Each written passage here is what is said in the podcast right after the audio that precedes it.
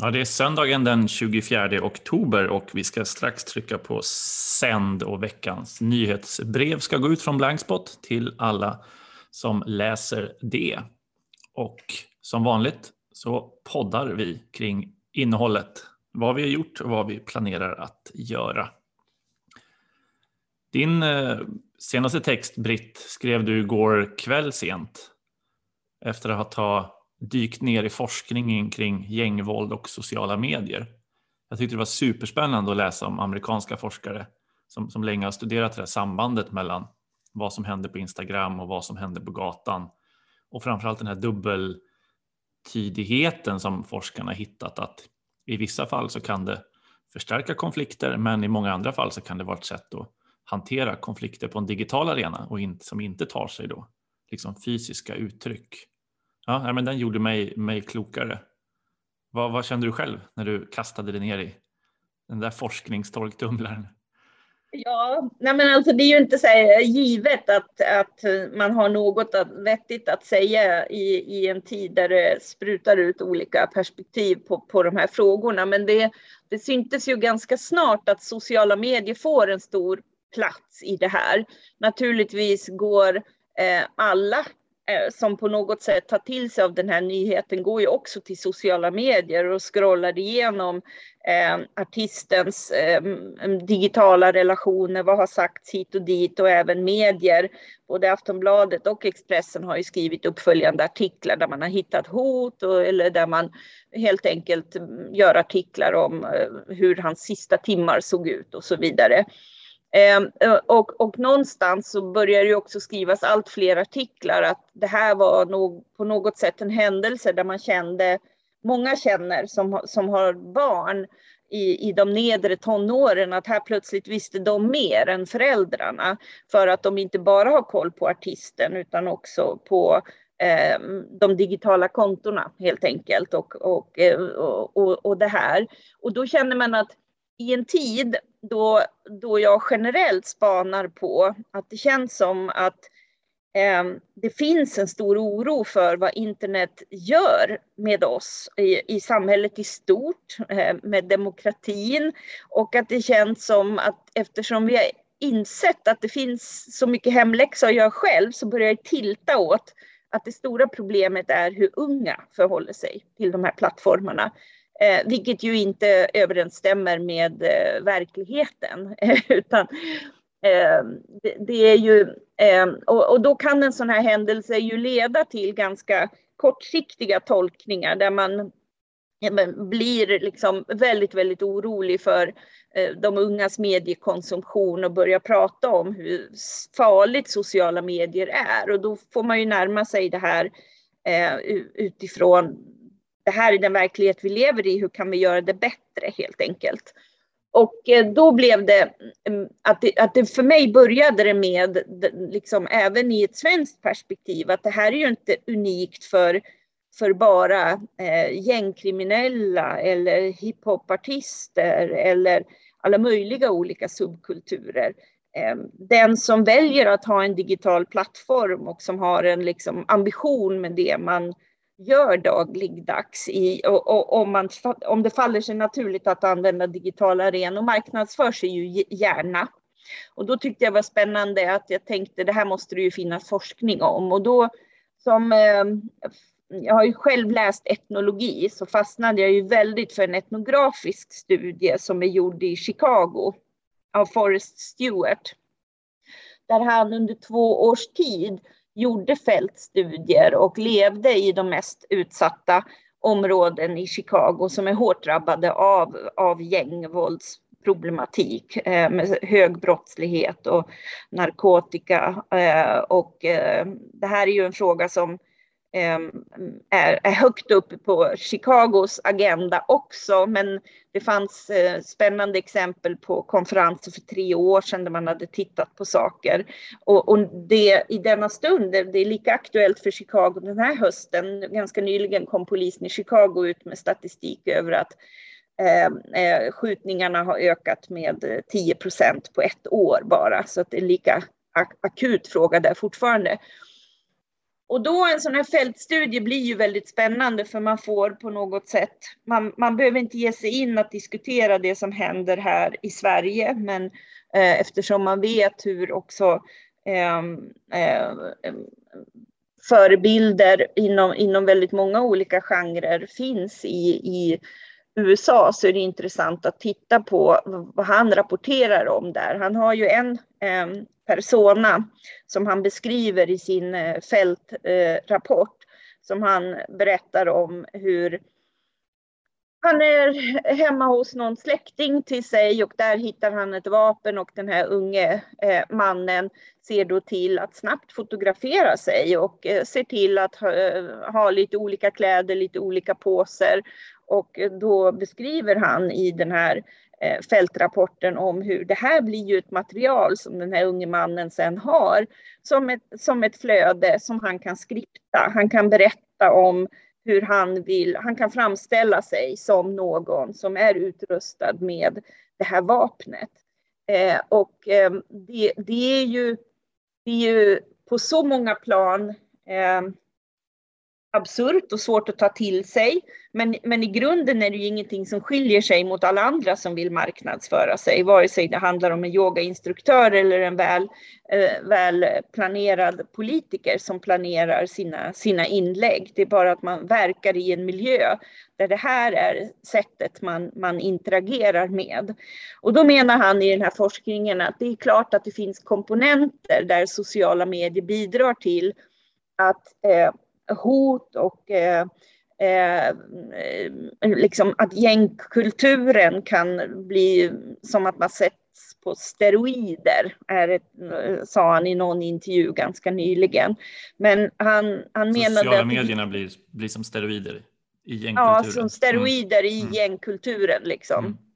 Och det han då menade var att man behöver ju se upp med att man inte bara dyker ner i de här flödena och tar saker ur sin kontext. Han pratar ju om den här klassiska kontextkollapsen som ju eh, medier har ju pratat jättemycket om den, hur en tyckartext plötsligt tas som intäkt för exempel på hur dålig journalistiken kan vara och jämförs med ett granskande reportage eller en rak nyhetstext. Det är också en kontextkollaps, att ta saker ur sitt sammanhang.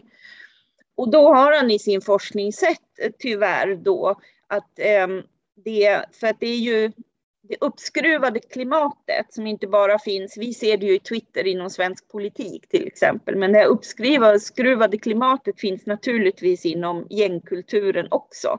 Och, och, han betonar ju att det betyder inte att man kan dra slutsatsen att sociala medier gör att det blir än mer våldsamt. Han menar ju till och med att det är snarare tvärtom. Fler och fler använder sociala medier, men pekar på en utveckling som inte stärker att det här liksom hänger ihop med sociala medier, utan vill ju också peka på att det kan vara tänkbara vägar ut, men också att det är en fråga om en en, en, en kultur och ett sätt att prata och att man kanske inte alls intresserar sig för hur det snarare handlar om att hoten som kanske såg ut på ett sätt på, på gatuhörnet förr, på, på plattformarna kan se annorlunda ut och ha lite olika inriktning på olika digitala eh, plattformar.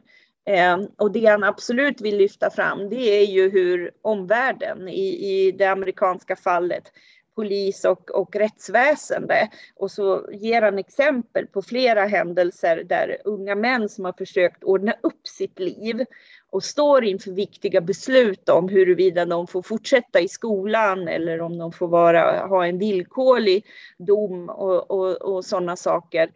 Ehm, eh, och han ger ett exempel på en person som verkligen har brutit mot allt, både kriminellt och går regelbundet till skolan och, och eh, står inför ett viktigt skede och när han kommer framför åklagaren så lyfter åklagaren upp inlägg som han har gjort i sociala medier och han får inte då eh, bli befriad på det sätt som han hade trott och hoppats på.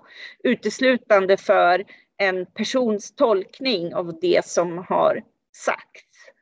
Eh, och så hade då respondenten sagt till forskaren efteråt att då hade han eh, blivit smädad på något sätt i en digital kanal och hade helt enkelt bara svarat. Och han menade, hade inte jag svarat, så hade det varit en stor risk för mitt liv. Nu har inte jag skruvat upp tempot med att svara, men jag har markerat liksom. Eh, och, och eh, så att det han vill med sin forskning, det är att verkligen peka på att inte dyka ner i ett flöde och plocka upp ett, ett inlägg och se det som ett tecken på, alltså att se att det här, äh, det här är ett reellt hot och så vidare. Eh, väldigt, väldigt eh, spännande och ehm, eh, jag tror att man behöver ha den typen av diskussioner nu för att eh, jag tror att många föräldrar är rejält oroade när de plötsligt börjar lyssna på Einar, titta på hans texter och kanske dyker ner i ett sociala medieflöde eller läser Aftonbladets artiklar med hot och inser att det här, har, här kan mina barn som har följt det här sett. Um, och, och, då tror jag att vi, vi, vi behöver ha en, en um, vi behöver ha en förståelse för vad som är eh, och, och överlåta det till, till rättsväsendet och se över vad som är de reella hoten och vad som är också. Vad vi än tycker om det så är det ett lika regisserat flöde som det finns i, inom andra subkulturer eller inom andra yrkesområden eller vad det kan vara. Ja, nej, men det, vad tänkte du? Nej, det är superintressant. Och som du säger, både man använder det medialt men också att det används i, i domstolar kan också bli lika tokigt om det rycks från sin, sin kontext någonstans. Ja. Alltså vilket ja. värde man, man tillmäter eh, de här Instagram-posterna och, och någonstans eh, vad det betyder. Eh, jag tänker, du skriver ju också här om att det här fenomenet inom den här liksom, ja, eh, sociala medier kring tungt gäng, gängkriminella med catching lacking, att man ska liksom visa att ingen är så hård och tuff som de målar ut sig och samla på sig bilder och filmer som motbevisar bilden av offret. Där känner mm. jag att man får en förklaring till det som hände med liksom Einar tidigare när han ju kidnappades och förnedrades. Eh, att ja, alltså det, det var ju precis den typen av film man ville man ville få fram då helt enkelt. Kolla, han är inte så ja. som, som han och, vill vara och, och att och det där är något som liksom åt, återkommande är en del av ja, hur, hur konflikterna och som även du citerar ju också en, en, eh, en sångrad ur, eh, eller när han intervjuats i ett poddavsnitt om att ja, det kanske inte handlar om pengar i vissa fall heller utan det handlar om den här eh, respekten, att, att upprätthålla den eller att försvara sig mot, mot den typen av Instagram-angrepp. Ja, det är um, när eh, Sebbe Staxet eh, intervjuar honom i sin eh, podd Helt ärlig så, så säger det ju Einar, folk vill skjuta någon för att han säger det eller han säger det. Så har det blivit nu. Folk är inte ens pengar. Det finns inga pengar att hämta på den här gatan. Ehm, och, det, det gav ju verkligen perspektiv till, till det hela eh, just nu. Men forskarens perspektiv på de här utmaningarna, den du nämnde är ju den som han också menar lätt kan eskaleras i sociala medier och ofta ju handlar om, alltså det blir i, i de här konfrontationerna som då görs, då man då ska ertappa någon för att, eh, och det är ju intressant apropå det vi inledde med, att du bygger en du bygger en persona på nätet om, om vem du är, så är alla helt medvetna om att man spelar bara så här tuff. Det är ingen som är så här tuff och då inser man att eftersom ingen är så här tuff dygnet runt så vill man då hitta dem i situationer där man blir en mjukis liksom, och så. Eh, men eh, han beskriver ju två andra sådana utmaningar som just också handlar om ett allt högre klimat och verbala angrepp online, liksom, där man battlar med inlägg där man Eh, för att man också via sociala medier, det kanske finns en mormor som har lagt ut en bild på sin värsta fiende på ett hembesök eller något sånt liksom. Och då är det det som plockas upp och så. Um, nej, det var, eh, och han har ju sen skrivit en bok som heter Ballad of the Bullet, Gangs, mm. Drill Music and the Power of Online Infamy. Infamy. Men den, den har man ju sett refereras i en del kulturtexter. Uh, Exakt. Ja. Mm. Men den, eh, om man blir sugen på att läsa mer och inte vill läsa hans fältstudie så Forrest mm. Stewart eh, eh, är ju, känns ju som en viktig läsning just nu för att, för att få perspektiv. Och det han menar framför allt, det handlar ju om att om man, om man stenhårt bara tittar på det man möter utan ett sammanhang online så kommer man också väldigt stereotypt behandla eh, och, och, kommer liksom eh, göras ehm, eh, åtgärder som inte står i proportion till för vad de här inläggen egentligen står för och så. Mm. Mm. Ehm, så att, ehm, ja. Du ska vara med och prata om det här i eh, i morgonstudion, morgonstudion imorgon, imorgon. Ja. ja. ja. Spännande. Eh, och, det, ja, och det var väl mycket också utifrån föräldraperspektivet. Det känns ju som att en hel föräldrageneration plötsligt är i chock över vad det är mm. uh, ungarna har nynnat till och, uh, och att det blev ett kanske förnyat wake-up call att faktiskt bry sig lite om. In, inte i syfte att förbjuda, men för att vara genuint nyfikna och diskutera sånt här som Mm. Hur regisserat är det här? Vad tror ni? Liksom. Eh, och eh, sen ska vi inte glömma att vi alla är ute efter, alla eh, jagar cloutet, att hela tiden, hur många likes, hur många streams, hur många views, liksom. Att det där, det, det genomsyrar hela samhället. Vi behöver mm. prata om det och vad mm. det står för. Ja, och det kan få bli en radioövergång till en så annan spaning och ja. det här blir ju något som man kanske inte ens vill, vill prata om, men vi måste prata om varför vi måste prata om Bulletin. Mm. Men jag tänker inte kommentera det mer annat än att lyssna på Lägg ut. Det är ju Expressens podd. Mm. Kommer varje fredag eh, och, med Karin Olsson och Magnus Alsli. Ja. Ja. Mm, mm. Eh, och där är det ju så att man ju får förklaringen till varför man skriver om Bulletin och det är ju för att, hör och häpna, det var typ det mest lästa. Mm. Det är det mest lästa. Ja. eh, och eh, då får man väl bara gå till sig själv huruvida mm. man läser det eller känner ett så starkt behov av att produkt eller vad, vad heter det marknadsföra Bulletin. För det måste man vara medveten om man, man, att man gör det är det som leder till liksom, att det sen blir eh, känns högaktuellt att ta in deras skribenter i Studio 1 eller i andra arenor och så vidare. Eh, mm. Ja, men apropå ja, chasing clout så gör vi alla det på något sätt. Liksom. Eh, men det var, det var också förklaringen till det. Men det var väl ändå fint att man ställde sig den. Eh, apropå Karin ställde den frågan om att eh, men varför skriver vi om dem då? Och så mm. fick vi veta det. Ja, mm. ja nej, men det, är, det, går ju inte att inte läsa. Det var det sist. Mördare som anlitas för att göra en utredning. Och före detta. Men det går jag säger så här, det går jättebra att inte läsa det. Det är helt ointressant vad Bulletin håller på med. Ja. Ja. ja. Nej, men så är det. Eh, jag tänkte, en annan övergång jag satt och tänkte på det är ju att eh, just Instagrams roll för gängkonflikter men också för krigföringen i, i Etiopien så använder ju bägge sidor där också sociala medier på, på olika sätt. Eh, både rebellgruppen TPLF lägger ut mycket bilder att man är inne i en stad och tar en bild, en soldat framför en skylt och säger nu är den här staden intagen och sen kanske sticker därifrån ganska snabbt. Eh, men ja, staden är i, i de sociala medierna så är den då intagen för här har du en rebellsoldat framför skylten men i verkligheten så är den då inte det. Eh, ja, medans, just.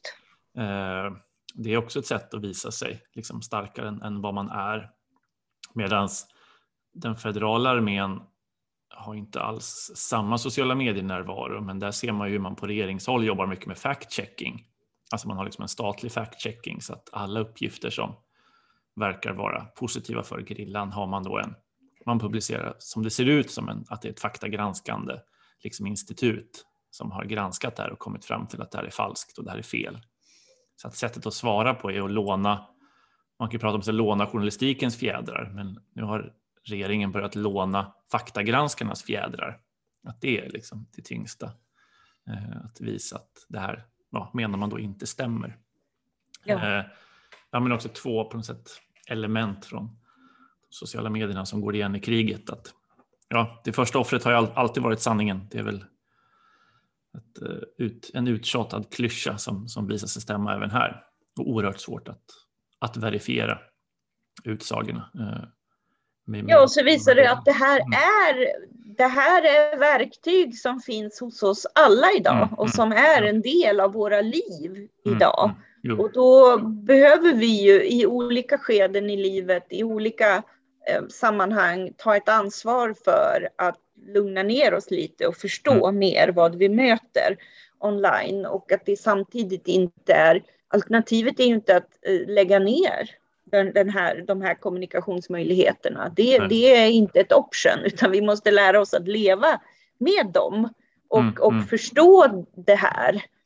Mm. Eh. Jo, men verkligen. Och, eh, men det är som du brukar jämföra många gånger med övergången till Alltså digitaliseringen är lika stor utmaning som skriv och läskunnigheten. Alltså jag tänker, Napoleon ja. spred ju flygblad och, och, det var ju revolutionerande liksom, på så sätt. Och, ja, när den väl skrivna tryckta texten kom så fanns en stor oro för men herregud, ska ingen lära sig någonting utan till längre? Det kommer bli, det kommer bli moralisk kollaps nu liksom, för nästa generation. De kan läsa i böcker allting, de behöver inte lära sig ett enda ord utan till. Eh, att den här moralpaniken kommer ju med varje teknikskifte någonstans och ja, påverkar ja, och sen är det ju debatten svårt. kring skolan och kring konflikter. Mm. Det är ju svårt med liksom att lära sig källkritik eh, liksom bygger ju på att ha en ganska djup läs och skrivförståelse från första början. Mm. Och att då se eh, regioner i världen där det är väldigt konfliktfyllt och så får du liksom hotfulla bilder på beväpnade människor mm. eh, i, i, i, i, en by och så skickas det 50 personer dit och så kommer man mm. dit och så fanns det inga beväpnade på plats eller så. Mm. Alltså, det är en svår tid ur det perspektivet, men, men mm. eh, här eh, behöver vi, vi behöver ju säkerställa att vi eh, inte går i den fällan som har en konstant tillgång till internet och vi mm. har en möjlighet att identifiera källor man kan ha tillit till och vi kan eh, dela eh, perspektiv och frågor med varandra online. Vi har möjlighet att ta oss den tiden och verifiera informationen. Eh, och det har vi ett ansvar för, för att göra. Men väldigt intressant exempel. Det är ju precis samma sak det du berättar från Etiopien. Mm.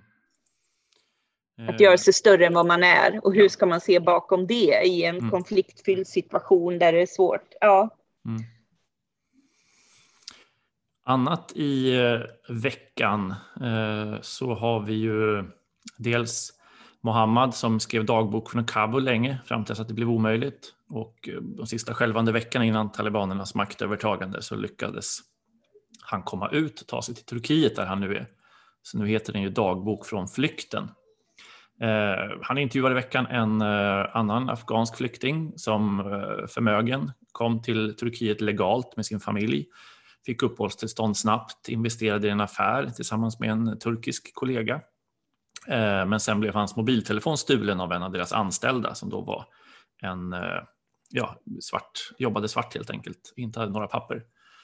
Och han ville inte att de skulle gå till polisen eftersom han såg framför sig vad som skulle hända. Men den här kollegan tryckte på att de skulle ändå anmäla den här stölden och de gjorde det. Och det resulterade i att det var han som blev utredd för att han hade ett uppehållstillstånd men inget arbetstillstånd, alltså inget tillstånd att driva affär. Så han förlorade både sitt uppehållstillstånd då och eh, dömdes till utvisning ur landet och förlorade Oj. de pengarna han investerat i den här affären. Och ja, var nu tillbaks på ruta noll. Eh, hade lyckats stoppa utvisningen, men Mohammad träffat honom i Istanbul och hjälpt honom fixa ett, busskort. Eh, så att i det lilla så, så kunde han i alla fall röra sig runt i staden och inte vara låst. Men ja, uppgång och fall från en som hade allt och sen förlorade allt. Och det är fint tycker jag med Mohammads texter nu när själv står lite still så att säga. Han kommer ingen vart och har vänt istället sitt sökande till andra flyktingar som han intervjuat de sista veckorna så har det varit olika öden vi har fått ta del av.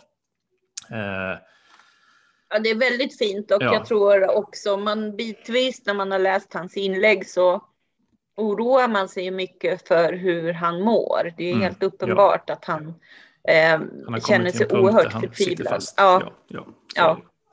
Och då, men han skriver ju det, det kan vi väl ändå mm. vara tydliga med och, och, vi har pratat med honom om det, att ja. han, det här är en viktig kanal för honom att må mm. lite bättre mm. helt ja, enkelt.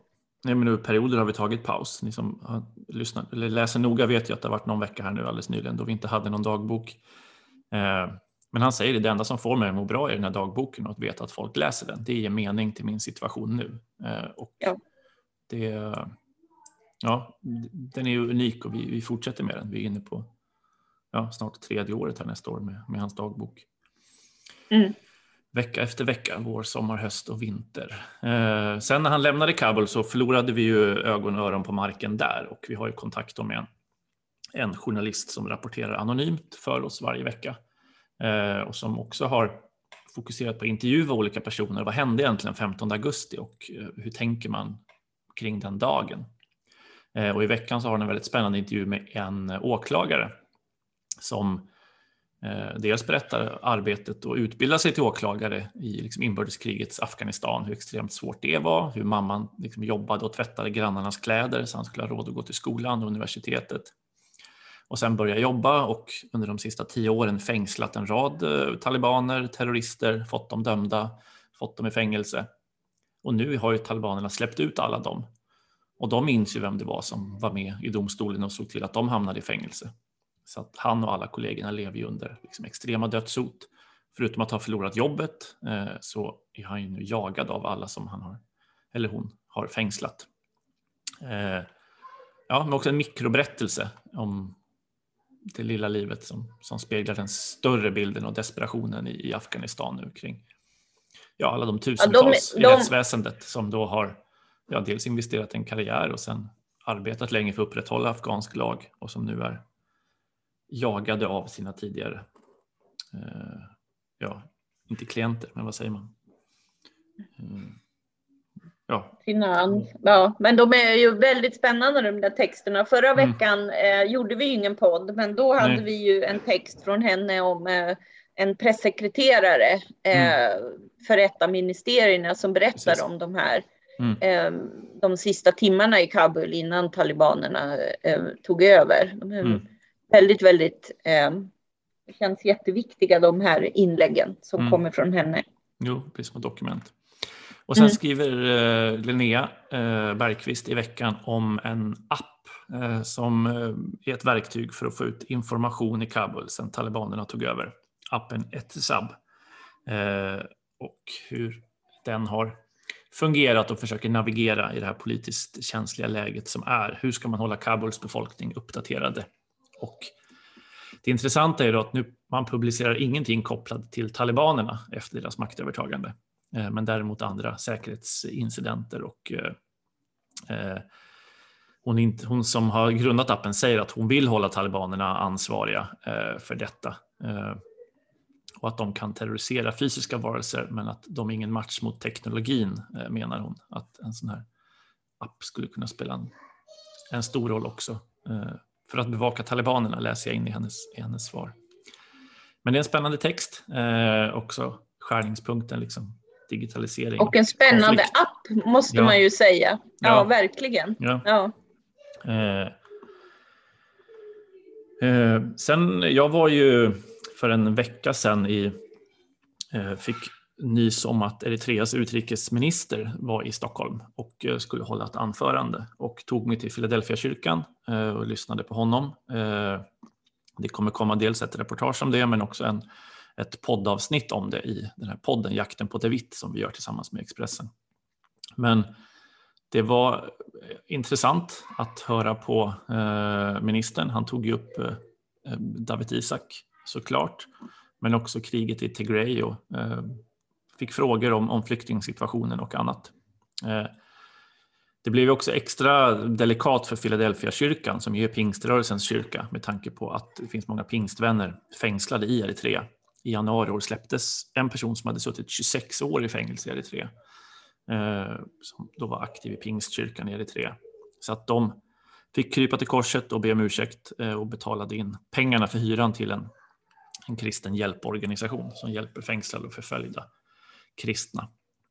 Eh, men sen vad gäller själva budskapet från, från mötet så, så handlade det mycket om, eh, ja, eh, om regionen och hur, Eritrea såg på Sudan och på, på grannländerna. Men också väldigt, väldigt mycket diskussioner om mediasituationen och varför man inte hör någonting från Eritrea. Och Eh, självklart om, om kriget i Etiopien. Men jag bara teasar lite om det nu så kommer det sen i veckan, eh, både reportage och höra mer om vad han sa, Osman Saleh. Det har ju också, grep ju också lite in i en diskussion som har förts dels i DN och dels med en text på Blankspot om den här debatten om hårdare tag eller mjukare tag eller vad är vår uppgift som journalister egentligen? Ska vi vara journalister eller, eller aktivister? Eh, och inför att Osman Saleh landade så twittrade ju Reporter utan gränsers ordförande och även flera andra att han borde förhöras av polis eh, och eh, för fängslandet av David Isak som är ett brott mot mänskligheten, det är vi alla överens om. Och ja, om det diskuterar vi också i den här kommande, kommande podden. Men ja, och jag någonstans har ju landat i slutsatsen att om man väl skulle ta in honom på förhör så tror jag inte att det leder till att han, han släpper David Isak. Alltså det skulle jag snarare säga minskar chanserna för att, för att Eritrea ska ska släppa eh, David Isak. det var en spännande diskussion också kring det hos Publicistklubben eh, där Robert Aschberg ställde frågan till eh, Expressens Claes Granström och mediernas Therese Rosenvinge, SVTs Ann Lagerkrans, Uppdrag gransknings Axel Gård Hummelsjö om svårigheterna att liksom, rapportera om Eritrea och förhålla sig till liksom, aktivismen i det fallet. Och Aschberg frågade sig då, kan man skriva under ett upprop för David och sedan bevaka Eritrea? Eh, och då sa Claes Granström nej. Expressens reportrar får inte skriva under, bara chefer. Och eh, Therese Rosenvinge på samma sätt att det är klart man kan stå upp för att det är dåligt att fängsla journalister, men att en reporter utöver det inte ska ha åsikter om politiken. Och även SVTs Ann Lagerkrans var skeptisk till upprop. Hon menar självklart stå upp för pressfriheten, men om man istället vill vara aktivist mot UD eller en regim så får man välja en sådan roll. Eh, och jag tycker Axel Gård Hummelsjö sa något väldigt spännande också, att just i de här självklara fallen, det är så givet att ta ställning. Eh, det är där det sluttande planet börjar. Och han sa att vi som journalister har privilegier. Då får man avstå från viss aktivism, även för det goda, fina och betydelsefulla. Jag hade hellre sett betydligt bättre granskningar av regimen som håller David Isak fängslad. Det blir en genväg att angripa UD istället för att göra eh, jobbet. Mm. Och ja, det väl, har väl varit liksom min käpphäst länge det här att, att uh, vi bevakar ju inte landet. Alltså det händer så oerhört mycket spännande i Eritrea, i Etiopien, i regionen som inte blir bevakat och jag tror att det hade den bästa tjänst vi kan göra till David är liksom en bättre bevakning, att fortsätta hans arbete, att bevaka vad sker i landet eh, och inte enbart de här uppropen. Eh, och jag pratade nyligen med Donald Boström som kom hem från norra Etiopien just med ett helt unikt material om kriget där Eritrea är inblandat. Eh, men intresset för hans filmer och färska intervjuer har varit i princip noll från svenska redaktioner.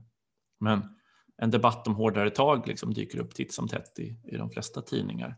Att det är ett fattigdomsbevis om vi vill förstå miljön i vilken David Isak är fängslad.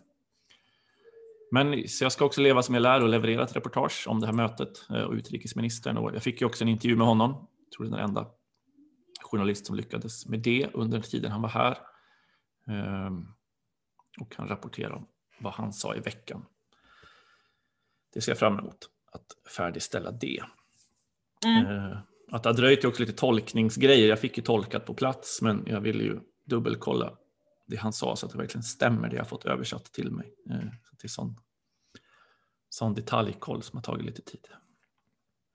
Mm. Ja. Du har också sett en dokumentär. ja, nu, ja, i natt så släpptes ju De rättslösa som är Cissi Wallin och Maria Svelands crowdfundande eh, dokumentär. Eh, som ju initiativet till den kom ju efter diskussionen om Soran Ismails eh, eh, det, det samtal som fördes med honom eh, om eh, hur de här anklagelserna om sexuella trakasserier och övergrepp påverkat honom. Så, eh, så den kom i, i natt. Man ska ju också eh, Det finns ju en eh, eh, ganska ny dokumentär hos SVT också som är gjord i ett antal avsnitt om metoo som är verkligen är värd att se. Den här dokumentären är ju ett par Ehm, vittnesmål och ehm, ger ju en, en, en, bild av hur, hur svårt det är, eh, hur länge man lever med den här sortens övergrepp och hur svårt det är att eh, att någon döms för den här typen av, av brott. Det finns ju uppenbart eh, jättemycket att göra. Det är ju det vad mycket diskussionen har handlat om Eh, runt metoo. Eh, och eh, det är ju absolut så att rättsväsendet måste vara bättre på att, att förstå. Man resonerar ju om att den här klassiska bilden vad som eh, händer när man utsätts för övergrepp som man ser i film inte överensstämmer med verkligheten. Man pratar med överläkare och man pratar med jurister eh, och så. Men generellt känner jag ju att de rättslösa, dels tycker jag att det är så problematiskt att så starkt skicka signalen att kvinnor är rättslösa i Sverige idag. Jag tror att det är otroligt farligt. Jag tror att det förlamar människor som inte behöver bli förlamade. Alltså de som inte har mediekontakter, som inte är aktiva i sociala medier, som råkar ut för det här dagligen på veckobasis. Och ska de i bakhuvudet känna att jag är rättslös om jag inte tar kontakt med de här mediala kvinnorna och delar min berättelse och startar ett nätverk, Alltså det är ju fel väg att gå. Man måste ju känna att man kan gå. Eh, och, och, och, den signalen måste vara väldigt, väldigt stark. Sen är det en annan sak att rättsväsendet inte alltid fångar upp det här, men det är ju den viktiga utvecklingsfrågan. Så. Och, och i, i, ljuset av det så tycker jag ju att jag tycker att dokumentären hade vunnit om man faktiskt hade låtit det enbart handla om kvinnor bortom rampljuset. Cissi Wallin är ju den röda tråden som medverkande och avslutas med att hon sjunger sin sång Kvinnohjärtat och innan Eh, eh, eh, dokumentären slutar så är det absolut sista man hör i hennes textrad från låten Kvinnohjärtat, eller om hon kallar sig själv som artist för det när hon sjunger den. För det absolut sista som händer när musiken tonar ut från dokumentären är att eh, Eh, Cissi Wallin sjunger sin låt Kvinnohjärtat som väl släpptes för två, tre år sedan i samband med metoo. Och de absolut sista raderna är Men du, det som hände mig är inget man glömmer. Och jag tycker att det är problematiskt att det på något sätt skickar en signal om att allt handlar om Cissi Wallin när det inte är så. Och jag vet att varken hon eller Maria Sveland Eh, syftar till att eh, vinkla det så. Men har man följt de här frågorna så länge så är det ändå anmärkningsvärt att eh, få höra den berättelsen igen och att hon tar så stor plats i den. Jag önskar att det bara hade varit eh, vittnesmål från alla de som ju vi vet bär på den här problematiken och som ju eh, båda de här personerna absolut har kontakt med. Liksom. Så att, Sen tycker jag att diskussionen om den i veckan har varit intressant, att det igen blir så att SVT i sista stund och så läcker det ut att de gör det. Det är väl inte konstigt att SVT, eh, jag vet inte processen för det tidsmässigt. Det kan mycket väl vara så att man alltid tittar på den. En dokumentär, ja man har sett på den övergripande men sen kommer det ju handla om det juridiska finliret. Sägs det något i den här dokumentären som eh, är just nu ett pågående fall och så vidare. Eh, men att det blir ytterligare eh, artiklar om det här, att nu ska SVT klippa i den här och eh, även i någon recension efteråt såg jag att Tone Schunnesson reagerar över, men jösses vad var det att reagera över i den här? Och då känner man, steg ett handlar väl om att ja, men nu är den väl klippt så att de kan sända den. eh, och eh, det, det, var nog aldrig frågan om några större grejer. Man behöver bara ha hängslen och livrem just nu för vissa pågående rättsfall kan man tänka sig. Men det där är så väldigt tröttsamt runt den här frågan, känner man ju. Mm. Eh, innan vi avslutar så har vi ju två, eh, eller en större grej egentligen som, som eh, vi kanske ska ta in Rasmus Kahnbäck som gäst i podden framöver. Men vi publicerade ju en, en ganska omfattande granskning av Azerbajdzjan och dess påverkansförsök på svenska journalister. En bjudresa arrangerades till Azerbajdzjan. Rasmus var en av de inbjudna. Han valde att inte åka. Eh, han intervjuar eh, Thomas Vederus om den här bjudresan eh, och vad han fick se i, i Azerbajdzjan i en text och sen skriver han också en, en granskning om den organisationen, Azerbajdzjaniers kongress i Sverige, som eh, efter kriget i Nagorno-Karabach och allt vi har skrivit om det, som eller Rasmus har rapporterat för oss, eh, så har han då bjudits in för att ta del av eh, ja, hur det var på plats, men sen så visar det sig att han får inte åka med. Det här har lett till ganska omfattande reaktioner bland den här Azerbajdzjaniernas kongress. Eh, de menar att det här var ingen lyxresa, eh, att det var gästfrihet, att man stod för allting. Det hade inte varit möjligt att resa hit på egen hand.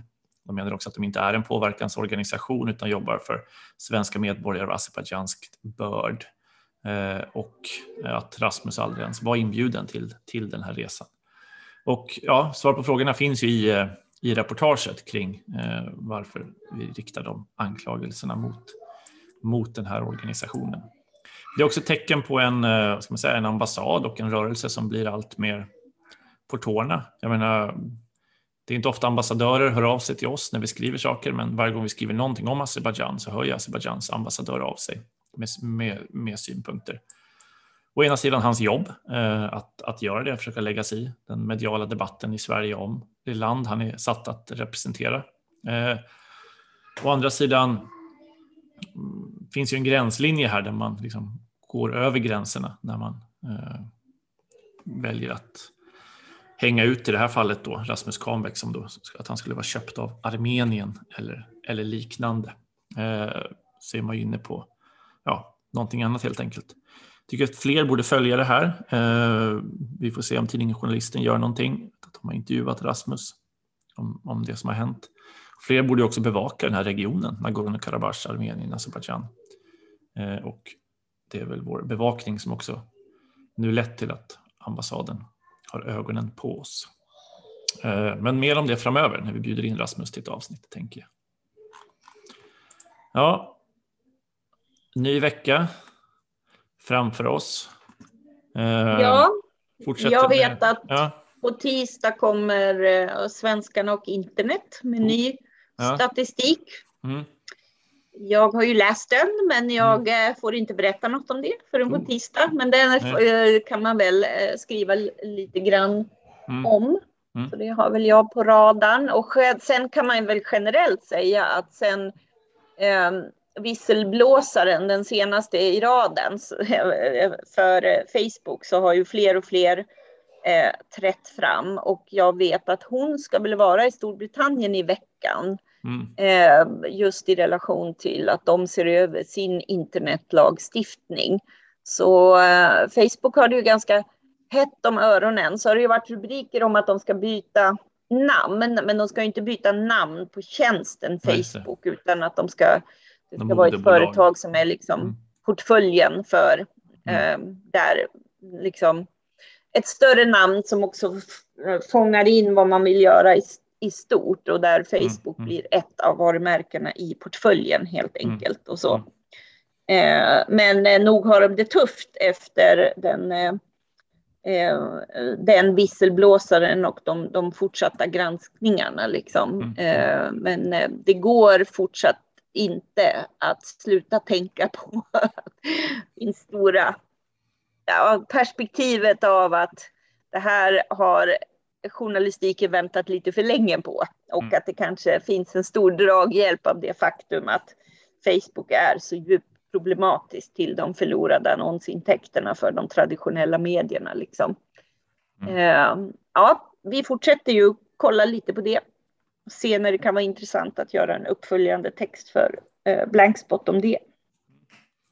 Det ser vi fram emot. Ja, tusen tack till alla er som lyssnar och till er som läser och till er som prenumererar och stöttar oss månadsvis eller årsvis.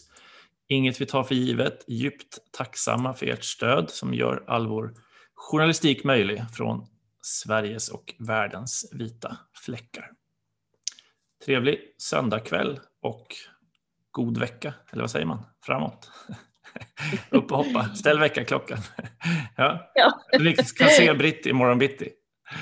Ja, imorgon, studion. Ja. Morgonstudion. Ja, yes. tack och hej. Tack och hej.